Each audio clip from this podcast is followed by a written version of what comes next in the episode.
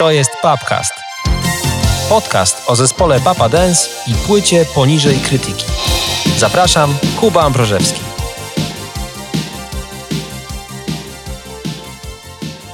To jest ósmy odcinek Papcastu, podcastu poświęconego zespołowi Papa Dance i płycie poniżej krytyki. Odcinek sponsorowany przez Kryształek Nocnej Opowieści, czyli ósmą piosenkę na e, popularnym poniżeju, a gościem e, Papcastu jest dzisiaj, e, i to będzie zaskoczenie dla wielu słuchaczy tego podcastu, Bartek Koziczyński.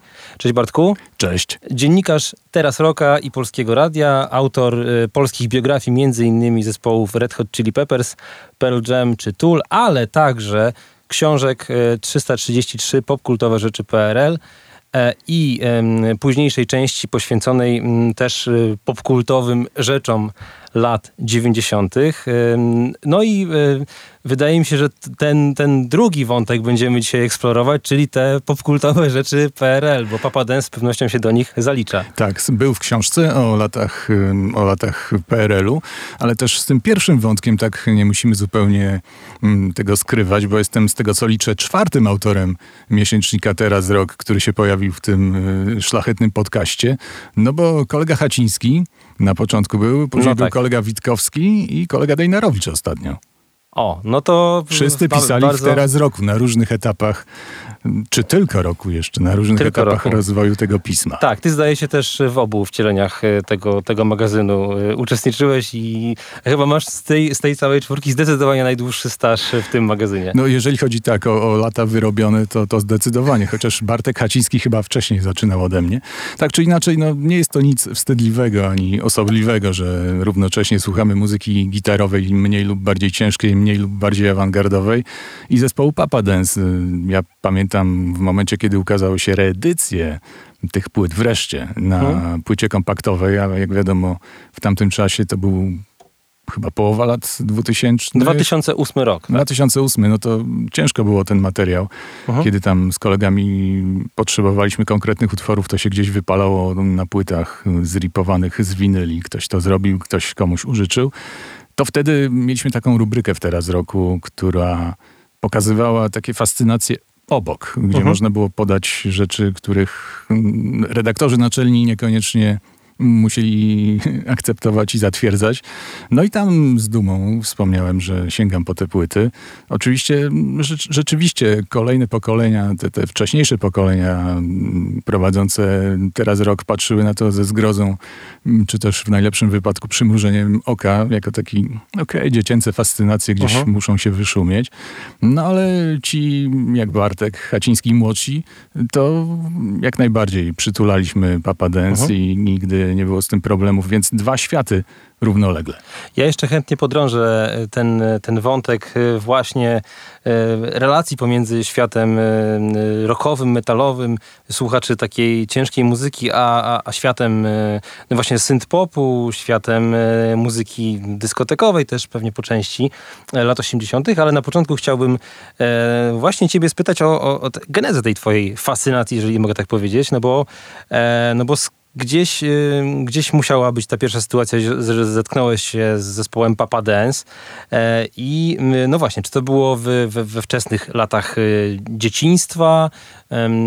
Pamiętasz w ogóle, kiedy, kiedy po raz pierwszy zetknąłeś się z tą nazwą?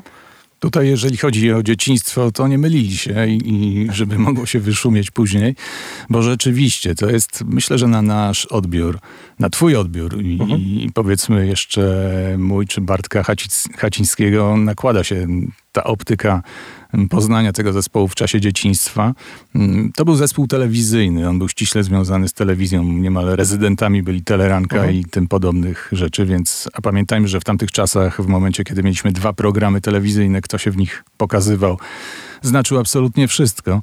Więc poznałem zespół za sprawą telewizji. Konkretnie mm, teledysk zobaczyłem do utworu Kamikadze Wróć y, z, jak pamiętamy, ze Strzygą, czy to był jakiś taki przyjaciel Wesołego Diabła. E, kuriozalny teraz. Kuriozalny. Absolutnie. Ale miał pewien aspekt bajkowy i tak mi się wydaje był skierowany właśnie do dziecięcego widza niejako. A to właśnie chyba, szczerze mówiąc, jak kojarzę teledyski polskie z tamtych lat, to w większości to są takie sfilmowane występy zespołu gdzieś w studiu telewizyjnym, jakieś światło się pojawia, jakaś, nie wiem, połyskująca podłoga albo coś takiego, a to był jeden z pierwszych takich teledysków, mimo no, kuriozalnego konceptu i też wykonania niesamowicie takiego chałupniczego, e, który miał jakiś, jakąś, jakąś scenografię, dział się gdzieś w terenie, tak? Fabuła, Coś, jakaś jakąś fabułę, akcja, tak. tak. No, przyjeżdżali, przyjeżdżali dużym Fiatem, wysiadali pod jakimś zamkiem i chyba chodziło o uwolnienie księżniczki.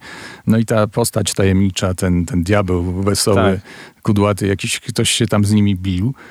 W międzyczasie pojawiały się takie dymki komiksowe i to było strasznie fajne dla kogoś, kto kochał komiksy, a wtedy też komiksy były na topie, mhm. te wszystkie kajki, kokosze i tytusy. Mhm. Więc y, coś takiego też było zastosowane w teledysku Don't Answer Me grupy Alan Parsons mhm. Project, niezwykle popularnym w tamtym czasie, więc tutaj te dymki, ta akcja, to wszystko robiło wrażenie.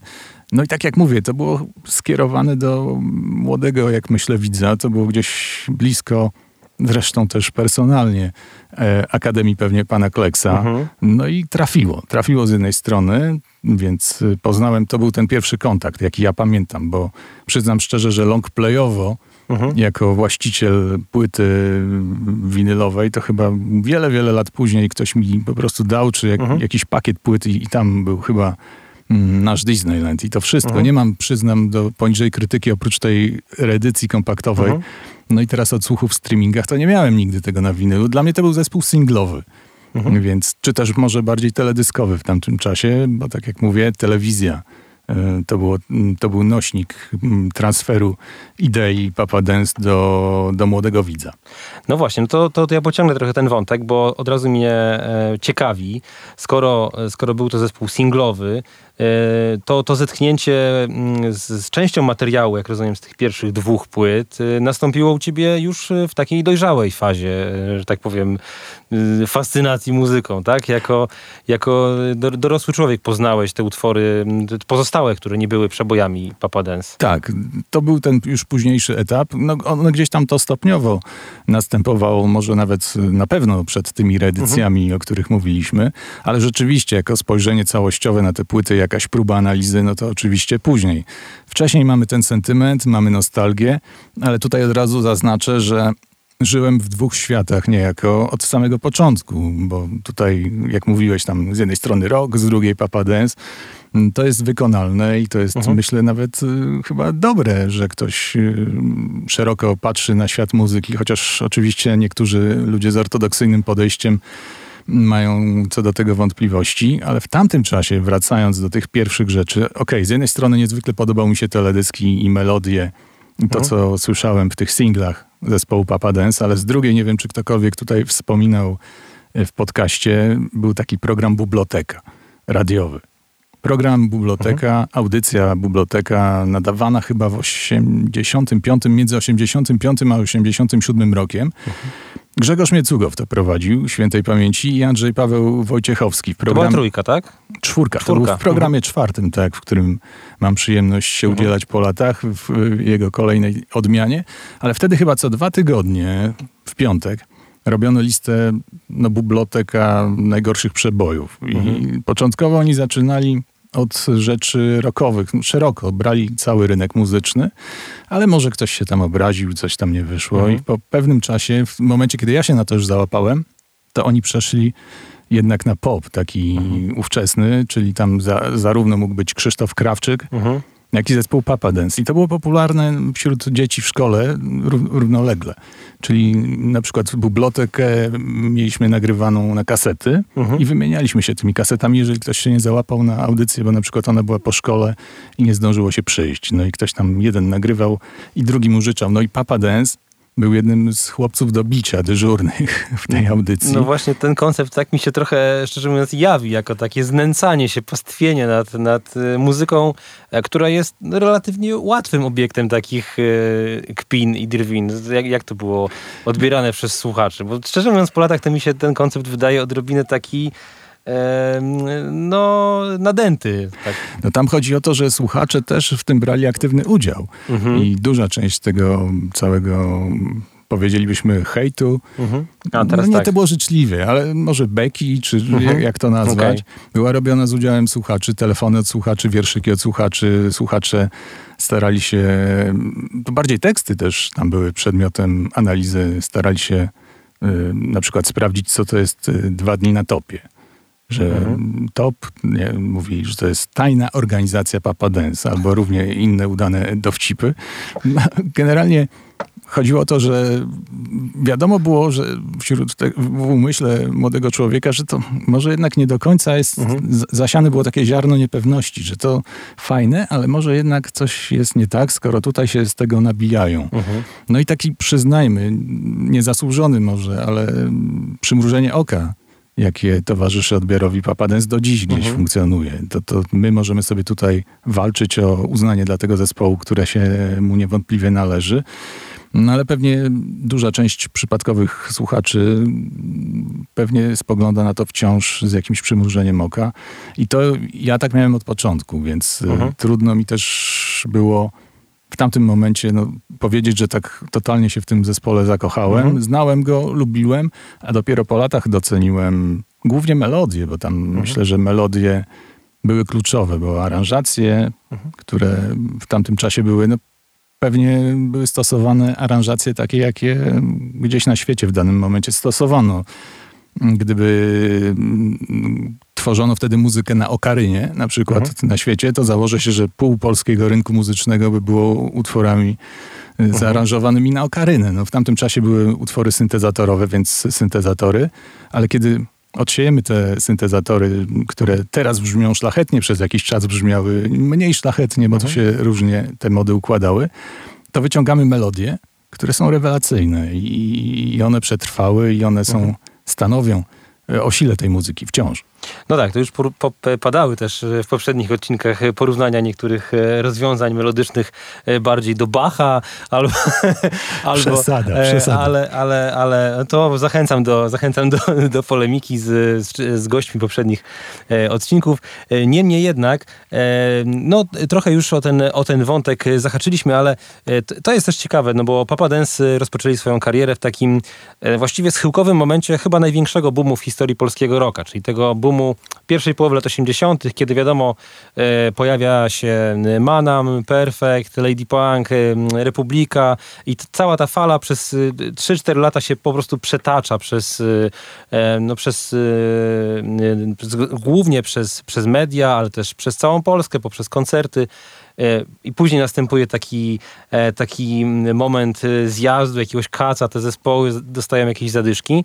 W tym momencie na scenie pojawia się E, zespół Papa Dance i ja zastanawiam się, jak, jak z perspektywy mm, twojej właśnie, ale takiej bardziej rockowej optyki, e, jak, e, jak wyglądał odbiór no, takiego zupełnie osobnego zjawiska w tym, w tym, w tym kraju, który był no, tak jednak zdominowany przez, przez taką bardzo rock'n'rollową perspektywę, gitarową. Myślę, że to były zupełnie dwa osobne zjawiska. Ja bym tego nie łączył, mhm. ponieważ rok jakoś dostał zadyszki, to nagle wypłynął Papa Dance. To były dwa osobne zjawiska. Rok był gdzieś chyba poza tym nurtem telewizyjnym, muzyczno-jedynkowym, czy jak to tam się wtedy nazywało, telewizyjna lista przebojów, zdaje się, była Tak, muzyczna jedynka to już Muzy bardziej później, w latach tak. 90. E, no ale w, w, drugim programie to mhm. mamy pewność, wideoteka, jarmark.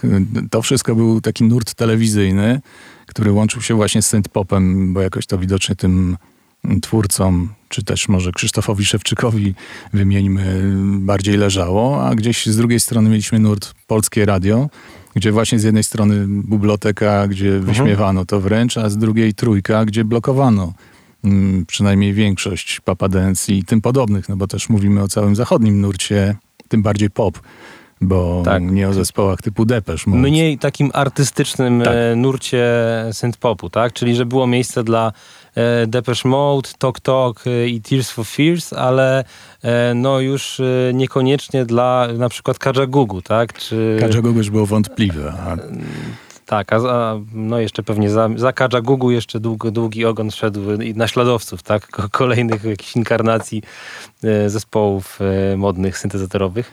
Ale z, też z trzeciej strony, bo mamy też program drugi, w którym był Bogdan Fabiański mhm. i on z kolei stawiał wprowadzał muzykę italo disco na przykład, którą tak. być może w ogóle w żadnych innych polskich mediach oficjalnych tych się nie pojawiała, ale on chyba też, nie wiem, skoryguj mnie, jeżeli pamiętasz albo wiesz, też akurat polskich tych Papa Dance Niekoniecznie. No ja z dzieciństwa takiego wczesnego pamiętam e, europejską listę przebojów e, prowadzoną przez e, pana Bogdana Fabiańskiego. I pamiętam, że chociaż, no, mówiąc zabawnie, wychowywałem się wówczas na trójce bardziej, to, to ta lista europejska była czymś w ogóle kompletnie innym. Tam, były, tam był zupełnie inny zestaw utworów, ale to rzeczywiście były utwory zagraniczne. Natomiast, natomiast wiem, że też być może w audycjach, których ja nie pamiętam, E, ale wiem, że, że u Bogdana Fabiańskiego też gościli, e, gościło Papa Dance i ten, ten, ta polska muzyka elektroniczna, syntezatorowa, nieliczna. E, no, nie, nie udało mi się niestety za, za, namówić pana Bogdana, zaprosić go do, do udziału w, w, ty, w tym podcaście, a byłoby to na pewno bardzo, bardzo cenne, bo rzeczywiście no może poza Markiem Sierockim, który chyba też pojawił się w, w tamtym czasie w Teleekspresie, E, właśnie mm, Teleexpress mm, zaczął nadawać w 1986 roku e, i, i, Marek, Marek Sierocki na pewno też Italo Disco od początku miał w sercu. Ale wracając do pytania, czyli mamy dwa światy, tak mhm. tak mi się wydaje. Jeden telewizyjny, i drugi radiowy i powiedzmy sobie koncertowy, bo ten mhm. świat rockowy do telewizji wkroczył chyba dopiero w latach 90., kiedy tam nowa ekipa przyszła po przełomie mhm. i nagle okazało się, że zespoły typu Armia czy Brygada Kryzys są grane w paśmie najlepszej popularności, są realizowane ich koncerty. To się oczywiście wpłynęło też na rynek, na sprzedaż tam płyt, uh -huh. czy, mhm. czy chociażby koncertów. Więc to było później, a tutaj dwa światy. No i tutaj niezależnie od tego Sławomir Wesołowski, który pamiętajmy też miał przecież przeszłość rockową, on, w sensie produkcji rockowych. On zdaje się dezertera produkował, do czego się dezerter może nie przyznaje. Nie wiem, czy to była ta epka słynna, że dezerter niby się zakradł do radia, gdzieś to nagrywał potajemnie, no ale skoro nagrywał go Sławomir Wesołowski, to albo on ich wprowadził do tego radia potajemnie, mhm albo to nie było tak potajemnie. Więc... Y, ja, ja o tym nie wiedziałem, przyznam szczerze. Wiem, to jest znany fakt oczywiście, że obaj panowie produkowali płytę Lady Punk pierwszą, tak? Tak, to, tak. No to, no to, to bardziej już... z mainstreamu, e, natomiast o dezerterze przyznam, że nie wiedziałem. Ja gdzieś pamiętam jakąś jego wypowiedź, że on tam, o, dezerter, miłe chłopaki, ale ciężko się z nimi rozmawia, są tacy nieufni. ale gdzieś tam te rozmowy były, więc, więc on z jednej strony właśnie miał ten, gdzieś w tym świecie był zanurzony, mhm. oczywiście w tym rokowym, jako pewnie człowiek od zadań technicznych, gdzie pewnie mhm. nie mógł się spełnić. Tu oczywiście spekulujemy, mówimy z perspektywy czasu mhm. o kimś, kto być może miał inną perspektywę, ale tworząc swój drugi projekt, czy własny projekt, oczywiście mhm. z Zabrockim razem, no, czy, czy tam duet, producencki. W tym momencie wydaje mi się to było coś jego autorskiego i, i, coś, na czym mógł się zrealizować od A do Z. I w tym momencie akurat trafił, tak myślę, nawiązując do tych aranżacji, mhm. że to był moment takiej muzyki, tych aranżacji i po to sięgnęli, a mieli umiejętności, mieli sprzęt, co nie było w tamtym czasie takie oczywiste, bo przecież to było drogie. Podejrzewam, że jakaś Yamaha, mhm. którą tutaj usłyszymy w utworze, który nas dzisiaj sponsoruje, to był koszt samochodu, jeśli nie mieszkania w tamtym czasie. Tak, to nawet Grzegorz Wawrzyszak właśnie o tym chyba mówił, że można było sobie kupić albo taką Yamaha, albo, e, albo kawalerkę małą gdzieś tam w Warszawie w tamtym okresie. E, to e, zadam teraz pytanie, takie trochę z, z tezą, a właściwie z hipotezą, a właściwie z dwiema hipotezami i może pomożesz mi je jakoś, jakoś rozwikłać, bo próbując dokonać jakiejś syntezy tego zjawiska z perspektywy tych 35, nawet więcej lat, to co twórczość Papa Dance mówi o ówczesnej Polsce, tej Polsce z chyłku PRL-u? Ja mam tutaj dwie takie ścierające się hipotezy. Jedna jest taka, że muzyka Papa Dance nie mogłaby powstać w żadnym innym momencie w żadnym innym oknie czasowym tak naprawdę. To znaczy nie wyobrażam sobie, żeby mogła powstać ani na przełomie lat 70. i 80., ani żeby coś takiego, takie zjawisko mogło się pojawić na przykład w pierwszej połowie lat 90. Tak? To było takie, e, gdzieś takie okienko, taki specyficzny czas, kiedy rzeczywiście taki byt mógł e, wejść na rynek i, i zrobić taką e, furorę. Ale druga hipoteza jest przeciwna, że ta twórczość mimo swojej nierozerwalności z tym czasem w bardzo błyskotliwy sposób, ale jednak zafałszowuje obraz tej epoki, że my ją w tej muzyce Papa Dance oglądamy przez y, no, takie mm, e, deformujące, deformujące rzeczywistość różowe okulary. E, która, która optyka jest ci bliższa? To skomplikowane pytanie. Czekaj, muszę to przeanalizować. Wydaje mi się, że moment powstania, chodzi ci o twór Papa Dance jako coś, co tekstowo tak wyglądało, czy że to był niejako wyprodukowany zespół? Bo jeżeli... Wydaje mi się, że wyprodukowanych zespołów wcześniej za bardzo do tego stopnia nie było w Ale Polsce. powiedziałeś, że później to było też niemożliwe w latach 90., a w latach 90. było mnóstwo już takich głównie tak, żeńskich ale, najpierw. Ale, ale wydaje mi się, że, że mm, ten rodzaj jakby ek, mm, ekspresji, pewnego rodzaju takiej też naiwności, którą ten zespół e, prezentował, no i samo brzmienie, tak, jest nierozerwalnie związane jednak z tą epoką. Tak, no brzmienie jest związane z epoką, więc to na pewno on nie mógł powstać, na pewno by nie powstał na takich brzmieniach w latach 90., uh -huh. bo to już by było wtedy, wtedy to było niemodne, -huh. chwilowo, 80., a w 70. jeszcze tego nie było. Więc z tego powodu tak, ale wydaje mi się, że zespoły tworzone, chociażby słynny Just Five, które no tak. też były robione na mhm. bazie wręcz jeden do jednego hity powielane zachodnie, przerabiane na polski. No, mniej błyskotliwie odrobinę. Tak, no na pewno to była kwestia talentu tych dwóch panów, których wymieniliśmy i o których tutaj mówisz bez przerwy. Tak, to jest niewątpliwie ich talent, ale z tym bym się nie zgodził, że to zjawisko nie mogło zjawisko jako takie nie mogło się narodzić w żadnym... Czyli obie hipotezy do kosza. Drugie jeszcze muszę, po pierwsze drugą sobie muszę przypomnieć, ale jeszcze może dygresja, bo tak sobie myślę, że jednak to jest zespół wyprodukowany. Tutaj niezależnie od tego, jak się zachwycamy, mhm. Musimy brać pod uwagę to, że jest to twór stworzony sztucznie. Jednak dowód tych ambicji dwóch ludzi, bardzo zdolnych producentów, mhm. którzy dobrali sobie wykonawców do tego. Czym różni się to chociażby od zespołów syntezatorowych mm, z Wielkiej Brytanii nie tylko. No, ostatnio, ostatnio, jakiś czas temu z Alphaville rozmawiałem. Mhm. Nie brałem tego w ogóle pod uwagę. Jak on powiedział, że sięgnięcie po syntezatory to była taka rewolucja jak punk rock dla nich. Mhm. Bo w punk rocku chodziło o to, że nie trzeba było umieć grać. Mhm. Że po tych y, wygibasach y, Pink Floyd i innych tam nagle można było dwa akordy tylko umieć i, i już tworzyć muzykę, która była akceptowana. Tak samo z tymi syntezatorami. To nowe instrumentarium, które wtedy weszło, otworzyło im zupełnie nową drogę, że wystarczyło puścić beat, zagrać jakiś motyw już mhm. się miało utwór, więc y, i to robili zwykli ludzie. Oczywiście u nich to były dostępne instrumenty, podejrzewam, no może nie dla każdego, ale jak się chwilę oszczędziło, to można było kupić. I, i mhm. sobie tworzyli to na zasadzie, jak kiedyś się tworzyły zespoły rockowe. I to było oddolne, tak? Mieliśmy Depeche Mode, być może stąd ta aura naturalności, a niektóre się mówiło, że nie są naturalne. Natomiast tutaj mieli jacyś ludzie związani z show biznesem, który się kręcił w jakiś mhm. dziwny, podejrzewam, zblatowani tam byli wszyscy ze wszystkimi. Ten do telewizji, znamy Tadeusza B. Tak. Więc mamy w Teleranku promocję. Mhm. No i oni mogli sobie kupić instrumenty w cenie mieszkania i dobrali mm, jakichś y, wykonawców do tego, zdolnych też, ale to jednak nie było to, co Depeche Mode, mhm. czy, czy, czy jakiś Alphaville, zespoły stworzone przez kumpli oddolnie. Mm, więc to było takie zjawisko, ale jak mówię, w latach 70. być może jakbyśmy poszukali, mhm. też pewnie były jakieś takie próby składane. Nie wiem, czy Vox zespół to nie był tak złożony, nie znam hmm. historii, ale... Bardzo, no pewnie do pewnego stopnia tak, e, chociaż ja nie znam szczerze mówiąc tak dobrze też genealogii zespołu e, zespołu Vox. E, na pewno, na pewno przynajmniej część zespołu Vox o wiele bardziej partycypowała w tworzeniu muzyki.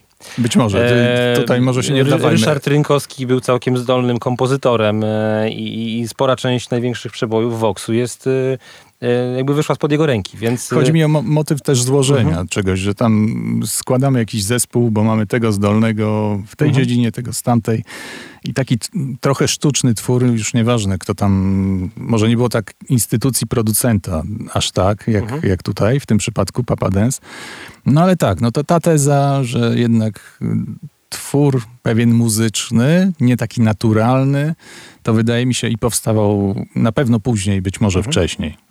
A drugie pytanie? To ja może wrócę w ogóle na sam początek. E, czyli nie no, daj, co... daj to drugie.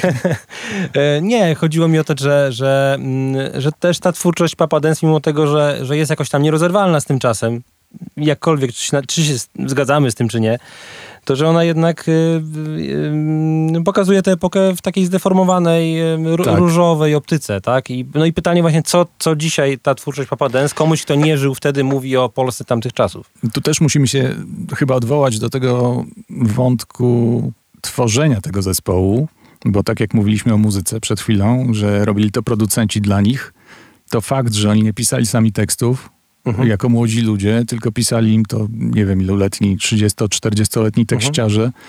To też zmieniało mm, to, co tam się w tym przekazie tworzyło, więc y, wydaje mi się, że z natury rzeczy no nie jest to spojrzenie dwudziestoletniego Pawła Stasiaka czy Grzegorza Wawrzyszaka na rzeczywistość, mhm. tylko Jacka Cygana, y, który w tamtym czasie, no tak jak mówię, no on był na szczycie tej śmietanki mhm. show biznesowej. Na pewno śmietanka show biznesowa żyła w trochę mhm.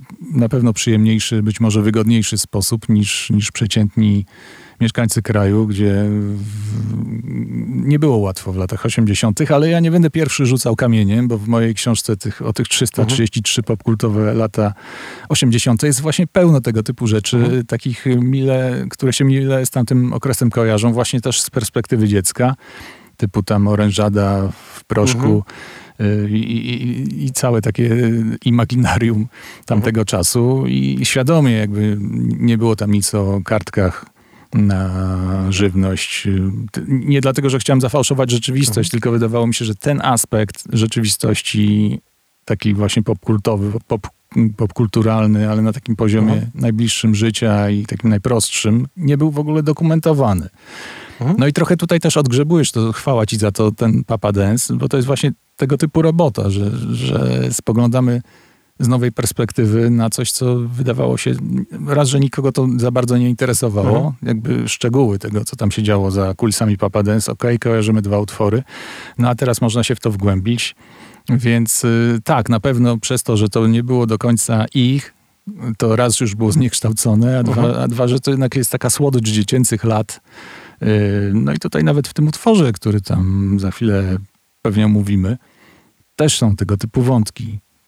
Ży, ży, życioweczka lat 80. Wstałem, spóźniłem się na kiermasz płyt. Mhm. No właśnie, no to może już przejdźmy do, do y, fragmentu rozmowy, który już bezpośrednio jest poświęcony tej, tej mm, piosence ósmej na E, płycie Poniżej Krytyki, piosence e, Kryształek e, nocnej opowieści. Ja już wspominałem w, w poprzednich odcinkach chyba raz czy dwa, że, że moje, moja przygoda z płytą Poniżej Krytyki polegała na mozolnym kompletowaniu tych utworów bardzo dawno temu, w ogóle w, we wczesnych latach tak zwanych dwutysięcznych z odmętów internetu i pamiętam, że tę piosenkę E, ściągnąłem z jednego z serwisów, e, który, którym wówczas służył do wymieniania się plikami różnorakimi i ona była opisana jako Papa Dance Życie ze snem.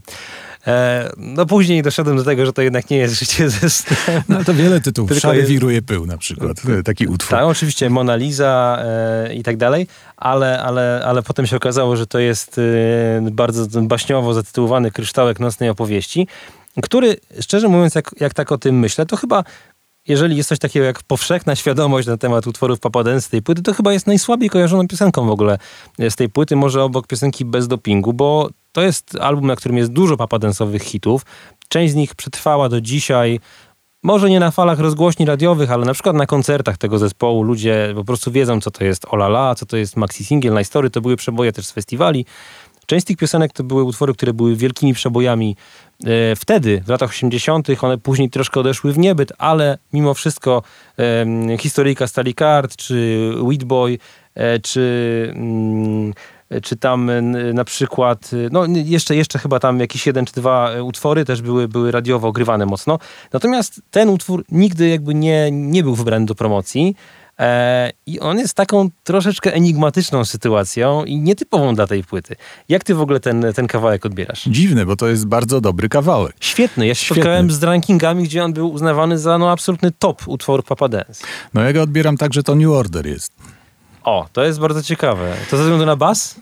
Ze względu na bas, ale też tam mamy taki rytm, który się kojarzy z Bizarre Love Triangle. Oczywiście tutaj jest y, podchwytliwe pytanie dokładnie, kiedy się ukazał Bizarre. E, też w 86 roku. Tak, ale więc... te, te momenty, tak? Czy, czy oni jeszcze zdążyli się tym inspirować? Czy się nie zdążyli tym inspirować, ale wydaje mhm. mi się, że no, gdyby, gdyby to było wcześniej, mówię o New Order, to jednak chyba tak. A Mógł pewno... to być wczesny 86, a ta płyta wyszła pod koniec, więc teoretycznie wydaje mi się, że jest to możliwe. Mi się to zawsze ten bas kojarzył bardziej z wspomnianym dzisiaj już Alphaville i takim w ogóle tym rytmiczną y, osnową piosenki Big in Japan. Ale, ale Big in Japan to wolniejsze tempo, a tutaj mamy tak. dokładnie to samo tempo. Mhm. Y, chociaż też możliwe, bo pamiętajmy, że New Order poprzednia płyta chyba się ukazała na winylu w, tak, Low w Life. Polsce. Mhm, tak, tak. Chodzi tak. mi o polskie wydanie. Tak. Kompres. I to podejrzewam jest właśnie ten moment, mhm. że Low Life wyszło na, na winylu w, w Tompresie. Mhm. Tam też chyba jakiś był kawałek, coś o nocy, nocny. This Time of Night. This Time of Night. Tak, no więc wydaje mi się, że oni mogli też, i tam też są syntezatory, bo tam na tej płycie było trochę, synte, trochę utworów gitar, nowofalowych, a trochę takich syntezatorowych i ten akurat był syntezatorowy. Tak. Może oni z tego trochę tak, noc tutaj, New Order, noc. No, jest to ciekawa hipoteza. W sumie, w sumie e, nigdy o tym nie pomyślałem, a dużo, dużo e, lat mi upłynęło na słuchaniu i, i tej płyty, i zespołu New Order, a więc jakby gdzieś połączyłeś jakieś kropki, które były blisko mnie, a nigdy, nigdy na to nie wpadłem. No przypuszczamy, tutaj sobie spekulujemy uh mhm. -huh. oczywiście. Mm, natomiast jeżeli chodzi o produkcję tego wszystkiego, bo ta płyta, mimo zachwytów waszych nad całością, mhm. jak się jej teraz słucha, posłuchałem specjalnie mhm. na, pod kątem tutaj przyjścia, ona jest nierówna produkcyjnie. I to nawet słychać dokładnie w momencie przejścia z tego utworu z kryształka do maxi singla. Mhm. Maxi single jest zrobiony na o wiele bardziej prymitywnych brzmieniach, mhm. takich topornych. I to słychać różnicę produkcyjną. Pewnie on był robiony w innym okresie. A kryształek należy do utworów tych bardziej subtelnych, takich mhm. już być może oni w pewnym momencie kupili jakiś sprzęt, a może coś mm, mieli więcej czasu, czy, czy później te utwory powstawały. Więc, więc tam jest ta nierówność produkcyjna i właśnie kryształek wyróżnia się tym, że jest jednym z tych lepszych, mhm. z tych lepiej brzmiących y, na tej płycie, więc tym bardziej szkoda, bo też pod względem melodyjnym oczywiście to, to jest murowany hit, no to powinien być, to mógłby być hit. Y, oczywiście mamy te ich y, patenty aranżacyjne, te wielogłosy, czy tam mhm. dwugłosy. Ja najbardziej lubię, jak oni we dwóch nie wiem, czy to, to już chyba producent, który taki niski głos podkładał. Mariusz Zabrocki tam Mariusz się często tak. odzywa na tej płycie w ogóle w nagraniach Papa Dance, bo on co z, chyba pada w każdym odcinku, ale już to powiem, był e, i jest wspominany jako świetny wokalista, który nigdy nie śpiewał jakby lidów, ale, ale no więc te, te, takie dogrywki i oczywiście tam, że jest jakiś motyw zapodawany przez wokalista i podchwytywany falsetem przez mhm. chórki, i, no to też jest y, typowe dla nich. No jedna wątpliwa dla mnie część, jak już mamy tak mhm. tak się wgłębiać dokładnie w ten utwór, to jest ten moment, kiedy ta wstawka taka pod koniec, mhm. middle eight to się nazywa, taki, tak. taki patent w piosence, że no on już trąci takim... Yy, AOR, Aha. takim rokiem typu, jak Lady Punk podchwycił mhm. na, na tym na, płycie. Tacy sami, tak? Tak, tak, tak, tak. To, to jest, bo ten syntezatorowy, który nas tutaj urzeka, NIMP, to jest, to jest jedno, a, to, a w tym momencie wchodzą na taki właśnie trochę inny świat, w inny świat, no i też mamy ten taki, bo tekst mhm. cały jest bardzo spójny. Tak. E, można powiedzieć nawet narkotyczny, bo mhm z jednej strony rzeczywistość, y, mniej lub bardziej smutna, ale zawsze możemy się zagłębić w sen. I teraz pytanie, jak ten sen wywołamy, prawda? Oczywiście tu znowu dopisujemy treści, których na, na, na 100% y, czy na 90% pan Jan Sokół tak? Tata tak, Sokoła. Tata Sokoła. Nie miał pewnie na, na, myśli, no ale generalnie tam wszystko się zgadza, że mhm. tutaj przeskakujemy między snem, a może sobie tutaj coś mhm. E, weźmiemy i tam życie nabierze aspektu snu. I nagle tam pojawia się, jeżeli nie wiesz, co tam, jak, wygląda, jak wyglądać ma przyszłość, tak. zwróć się do wróżbity. Tak, jeśli chcesz poznać przyszłe losy swe, tak. spytaj się wróżbity, on to dobrze wie. Tak, to... No i o co chodzi? Dlaczego?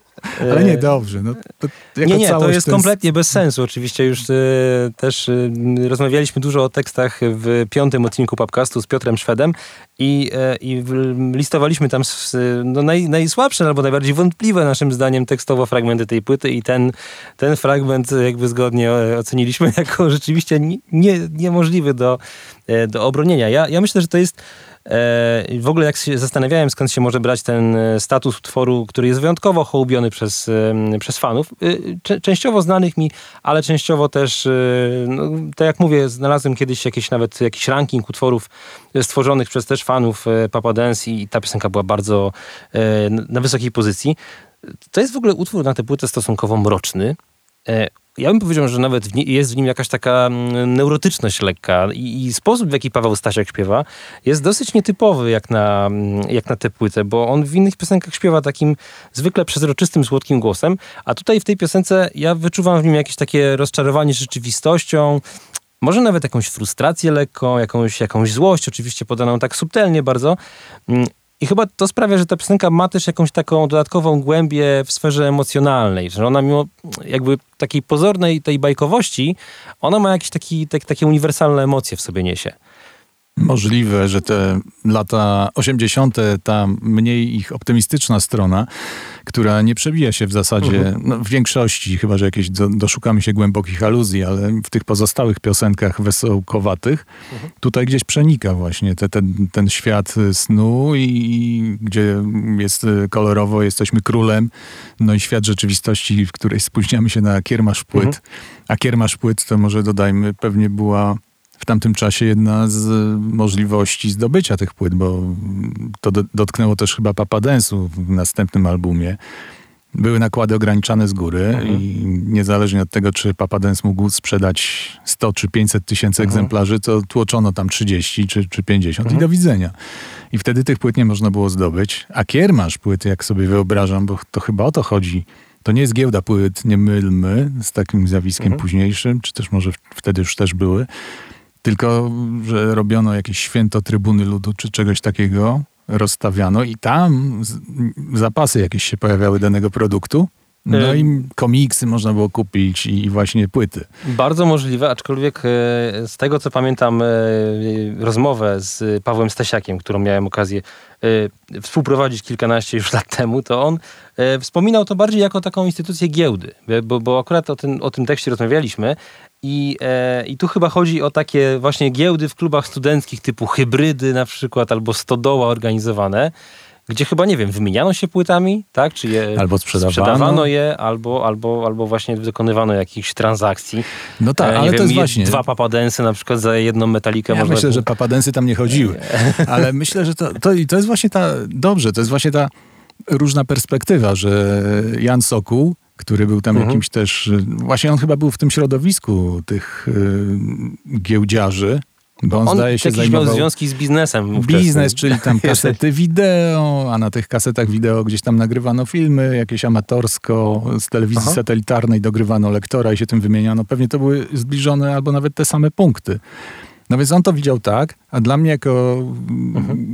małolata, dzieciaczka, to było, kiermasz płyt to była instytucja, w której po prostu stawiano budki i można było kupić różne tam komiksy bardziej w tym momencie, ale też płyty. No okay. cały ten koncern RSW, prasa, książka, ruch na takim kiermaszu swoje co najlepsze miał, żeby mhm. przyciągnąć tych, tych ludzi, którzy za żadne skarby normalnie by tam nie przyszli świętować 22 y, lipca mm, czy tym podobnych mhm. świąt. Więc, więc tutaj też właśnie jest y, dwie różne perspektywy. Bardzo tak? ciekawe. Nie, nie, akurat o tym zjawisku nie, nie wiedziałem, ale też przyznam szczerze, że mam bardzo e, jeszcze jednak mgliste na pewno wspomnienia Paweł z końca. Stasiak i Jan Sokół mieli na myśli to, co oni mieli na myśli. A to, co tutaj można odczytać i, mhm. tak jak to odbierali właśnie no, tutaj też, no, ca cały ten wątek baśniowy jest mhm. ewidentnie skierowany do młodego człowieka też i to jeden z wielu, tak? Mhm.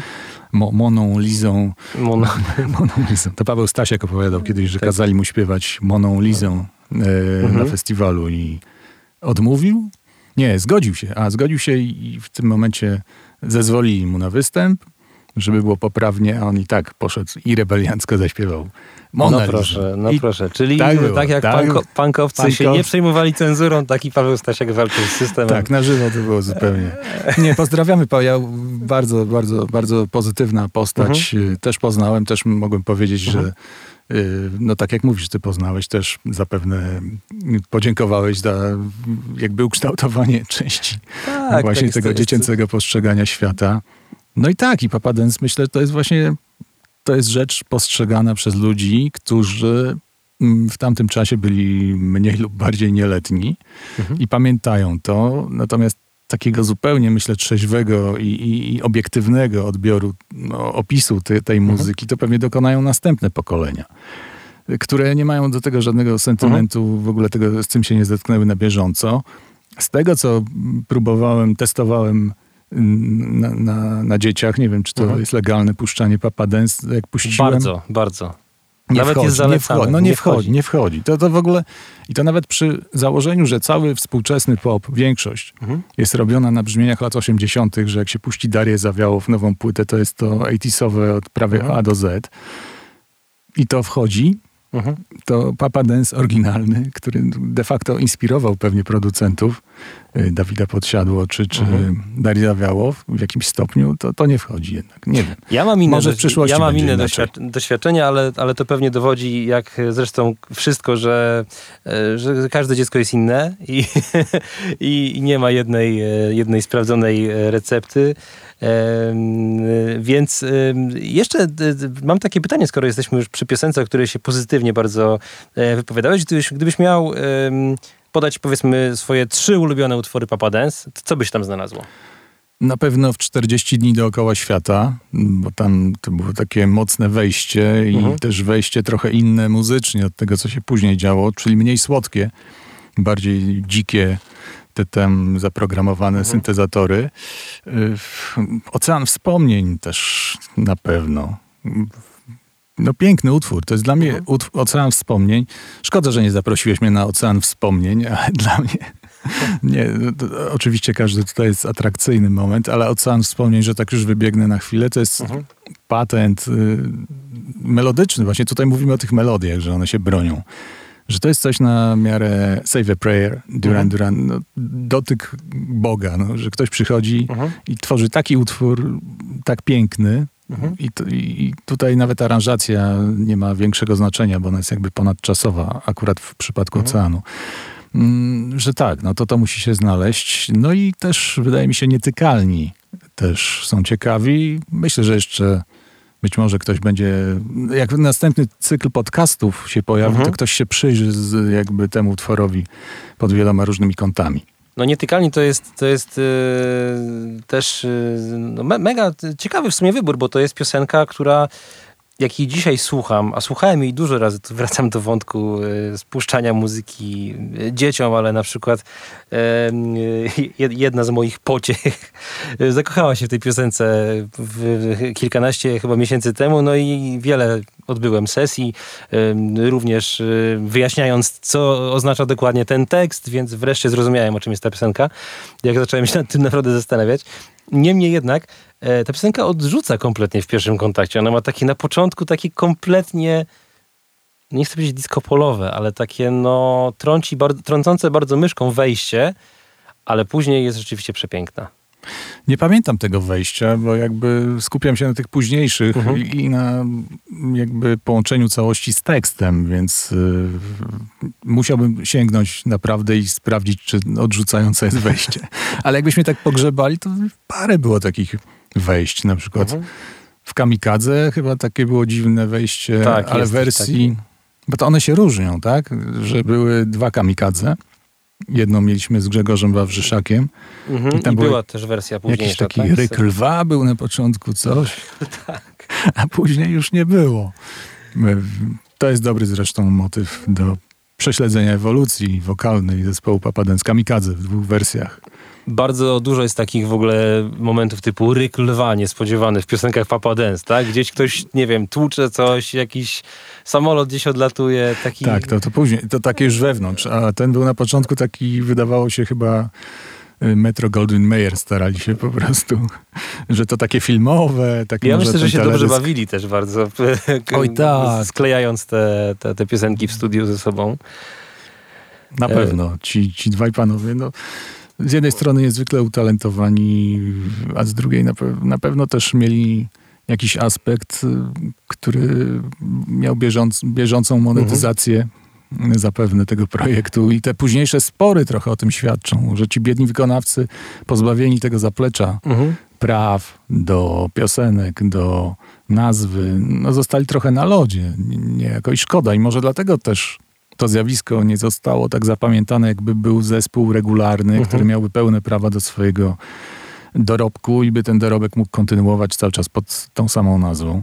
Nie wiem. Może to jest przyczynek do jakiejś dyskusji. Kolejnej. No tak, z drugiej strony od pewnego momentu zespół sam e, samodzielnie kontynuuje tą karierę, e, samodzielnie tworzy repertuar i to już jakby abstrahując od nazwy, no jakby nie jestem przekonany, czy, czy te, to, to rozstanie rzeczywiście e, pod względem przynajmniej materiałowym, artystycznym e, było e, korzystne, ale oczywiście nie, nie, nie mi to oceniać i prawdopodobnie są jakieś jakby obiektywne powody, dla których tak się stało. No ale jeżeli nawet ci dwaj twórcy by ciągle razem tworzyli, żyli, tak? Po, mhm. po pierwsze we dwóch, to nie wiem też, czy, no, jak, jak mówiliśmy, czas tego zespołu to był właśnie wtedy i, i, później to już w, jak w przypadku każdych zespołu, każdego zespołu, czy to rockowego, czy który miał swój moment, później to jest już pewne powtarzanie się i odcinanie kuponów. Rzadko się zdarza, żeby ktoś mhm. pod koniec kariery nagle dokonał jakiejś wolty, odkrycia, więc pewnie byłoby tak samo.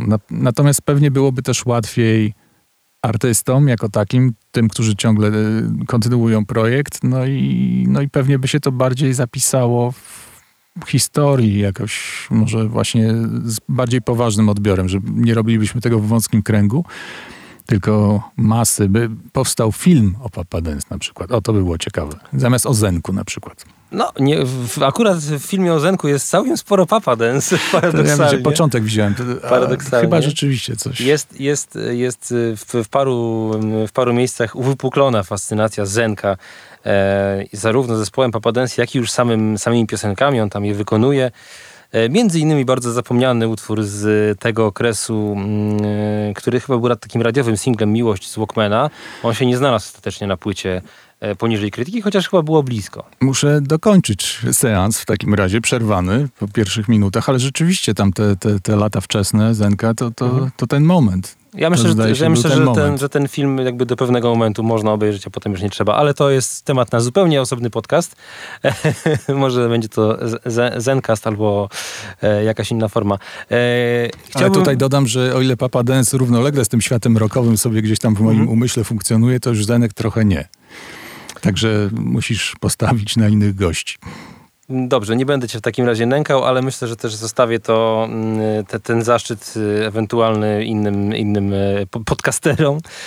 Chciałbym zamknąć, domknąć tę rozmowę, jak, jak zwykle jakąś taką refleksją nad, nad, nad dziedzictwem, mówiąc szumnie zespołu, zespołu Papa Dance, muzyki zespołu Papa Dance, jakkolwiek e, na to patrzeć. Co dobrego, a co złego Twoim zdaniem wynika, wyniknęło dla popkultury, polskiej muzyki rozrywkowej? Mm, czy to jest taka mm, efemeryda, o której dzisiaj możemy sobie rozmawiać w kategoriach no, takiej wyblakłej pocztówki mm, z dzieciństwa, z przeszłości? Czy też, czy też jest jakieś miejsce na dzisiejszą jeszcze reinterpretację, jakiś revival tego, e, tego zjawiska? Myślę, że jest. Myślę, że jest y, i to jest ciągle zjawisko niewykorzystane w takim kontekście właśnie powrotów. Trochę już się to zaczyna robić. Dziwię się, że dopiero po 40 latach, 30 35, 35 od płyty poniżej krytyki, 30 chyba 7 od powstania zespołu. No więc mniej więcej w takim czasie zaczyna się, ktoś tam, Brodka zrobiła utwór syntezatorowy z lat 80., ale jak popatrzymy na ilość coverów, mhm. rzeczy z tamtej epoki, mimo popularności takich brzmień dzisiejszej, mhm. to nie jest to imponujące. I wydaje mi się, że ciągle to jest do odkrycia i gotowa kopalnia świetnych melodii.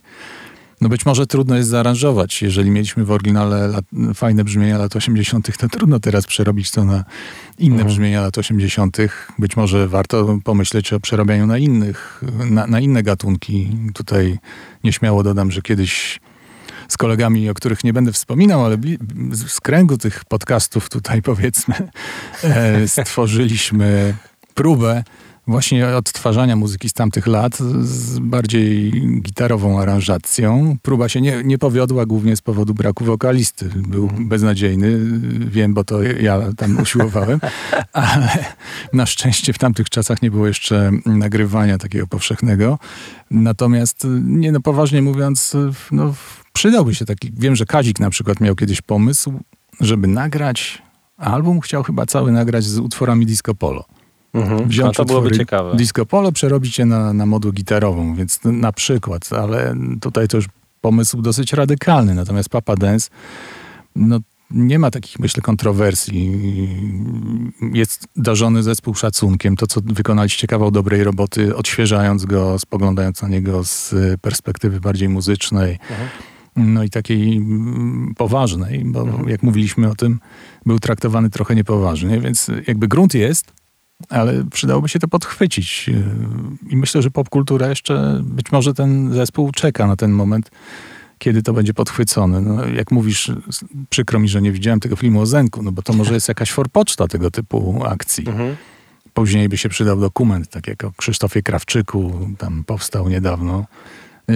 Y, historia Papa Dance, gotowy temat na taki dokument. Wiele zwrotów akcji, mhm. jakichś e, rozstań, kłótni. Przecież to gotowy temat, już nie mówię o filmie fabularnym, żartuję, ale dokument przydałby się, a jeszcze jakby to opatrzyć taką ilością Przecież oni jako zespół telewizyjny byli od początku mhm. do końca zarejestrowani. Więc to wszystko tam gdzieś jest. Wystarczy to podchwycić i zrobić. Wystarczy, żeby Netflix dogadał się z telewizją polską i materiał gotowy, ale nie wiem, czy w obecnych Myślę, czasach tak. możemy na to liczyć. Myślę, że tak. Patrząc na to, co Netflix teraz robi, na przykład ten cykl o filmach, które wspominają i to jest właśnie ten okres.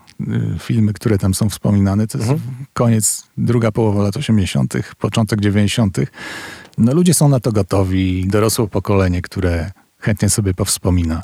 No i Papa Dance powinien zajmować jakąś poczesną rolę y, właśnie w naszej wyobraźni i pamięci muzycznej.